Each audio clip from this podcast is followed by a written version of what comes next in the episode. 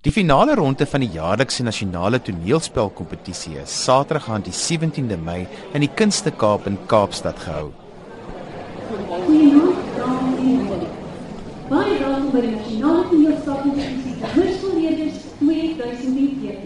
A warm word of welcome to tonight's panel of judges for this final round of the national acting competition for high school learners.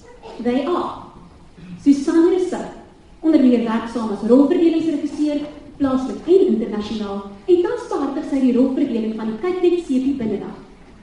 Marlene de Groot, Director Audience Development and Education at Artscape.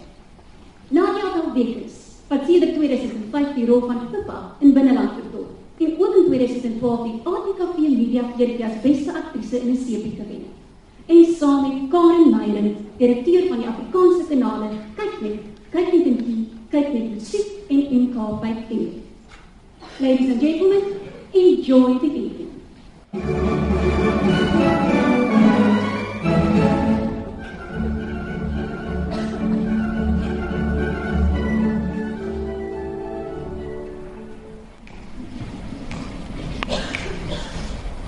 Oh, ekskuus om ouer te word. Jong, dit het op my sy terugslag. En so kom storm meneer Blighnaat moes die klas binne en sê: "Ons begin Vrydag met kadette." En behoed. Behoed nou die een van julle wie nie julle uniform nie het nie. Ag, meneer Blighnaat. Hy was 'n persoonlike vriend van die duiwel.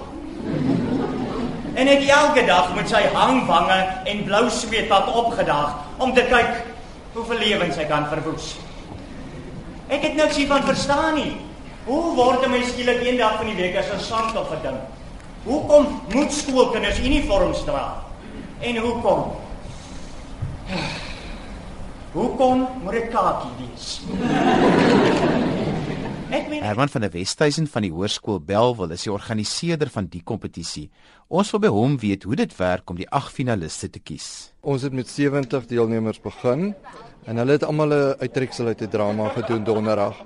En toe die aand hier by 10uur toe word hulle 30 en hulle het nogal 'n tawwe Vrydag gehad. Hulle het op die woog opgetree met 'n gedig en 'n prosa en dan het hulle het al 30 het ook 'n uh, kamera audisie gedoen vir binnelanders by Susan Rousseau.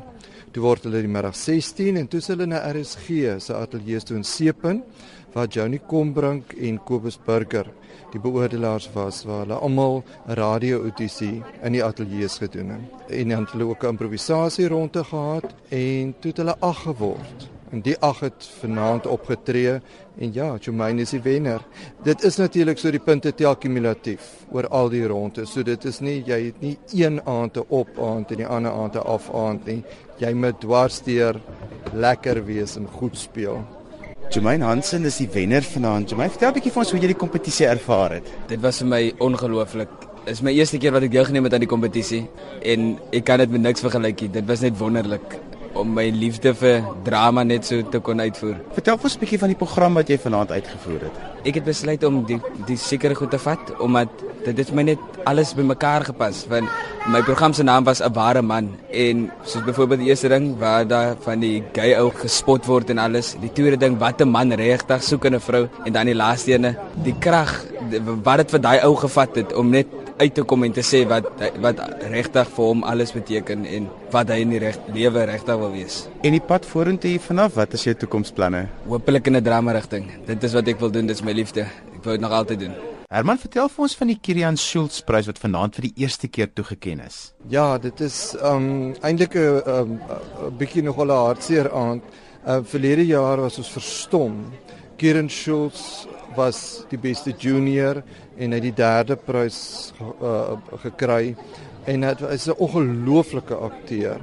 En ja, dan toe die hartseer um hier in Augustus toe hy oorlede is in 'n ongeluk. En dit is ons wil dit is hartseer, maar ek dink dit is belangrik vir sy ouers ook dat vanaand ook 'n viering moet wees van sy vreugde in sy lewe uh wat hy gehad het. En sy wonderlike talent op die verhoog. En daarom het hulle hierdie pryse geskenk spesiaal want Kieran, hy was net voor die kompetisie verlede jaar in Vaan se trein. Toe het hy sy Vaan geld gevat en sy wengeld hier en toe het hy daai Sondag na die kompetisie het Ira vir my vertel, het hy vir hom hierdie iPad gaan koop. En hulle het nou vanaand vir die wenner sowel as die beste junior het hulle so 'n prys gegee gesê hulle moet ook die vreugde daarvan geniet wat Kieran verlede jaar gehad het. Luke White was die wenner van die Kirian Schultz prys. Luke, hoe het jy die kompetisie ervaar? Yes, die afgelope 3 dae was amazing. Soos die vriendskappe, al die audisies, goeders wat ek nog nooit eens van gehoor het nie. En dit was 'n amazing blootstelling en dit was eintlik net so lekker om hierdie mense te ontmoet en ook te kan opkyk en mense te kan sien wat jy nou altyd op die TV sien. Dit is dit was nogals baie lekker.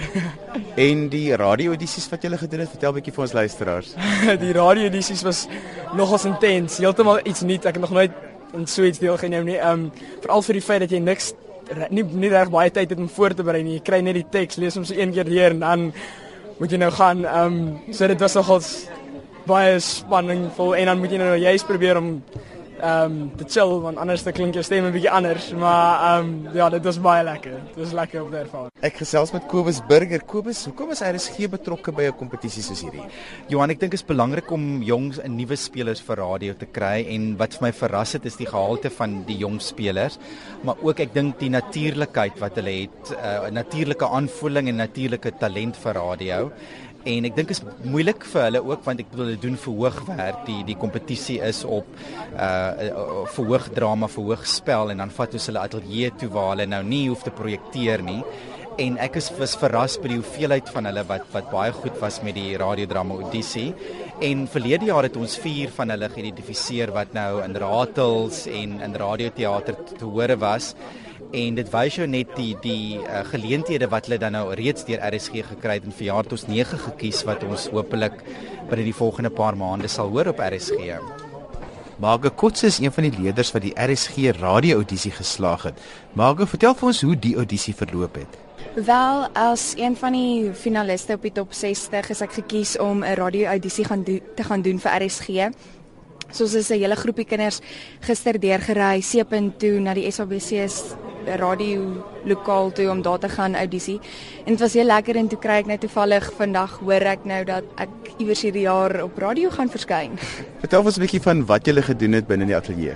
Ons is elkeen 'n teks gegee en toe moes ons net lees en dit half interpreteer teenoor iemand anders en wel daar's nie gehoor soos wat jy kan sien nie en jy fokus ook meer op jou stem en dis half meer in jou verbeelding as wat jy dit letterlik uitleef op die verhoog, moet jy dit half interpreteer in jou gedagte. So dit is nogals 'n bietjie anders, maar dit is heel interessant en baie opwindend.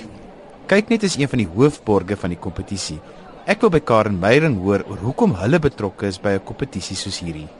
Ek dink dit maak net absoluut 100% sin vir ons om deel te wees van so iets. Ons is die hele tyd op soek na nuwe talent en en eintlik is dit so wonderlik om reeds op 'n jong ouderdom mense se talente kan identifiseer en dan vir hulle te probeer ondersteun in 'n volwaardige loopbaan in. En ek dink kompetisies soos hierdie hierdie inisiatief en ek dink veral van die Hoërskool Belwel en van Herman van der Westhuizen is werklik waar bewonderingswaardig wat hulle doen.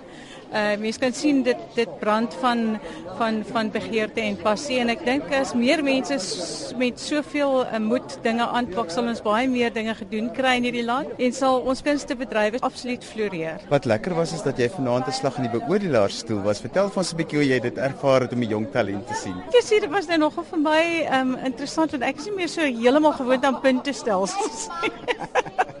maar dit was nogal lekker om aan die einde van die aand te sien dat die mense darm gevoel nie noodwendig ehm um, nie in die kol is nie en ek dink baie keer werk 'n mens met met 'n gevoel oor dinge of jy weet veral wanneer dit by rolverdelings kom dan dan mens sal nooit regtig weet of 'n akteur in 'n rol werk voordat jy hom nie gesien het nie.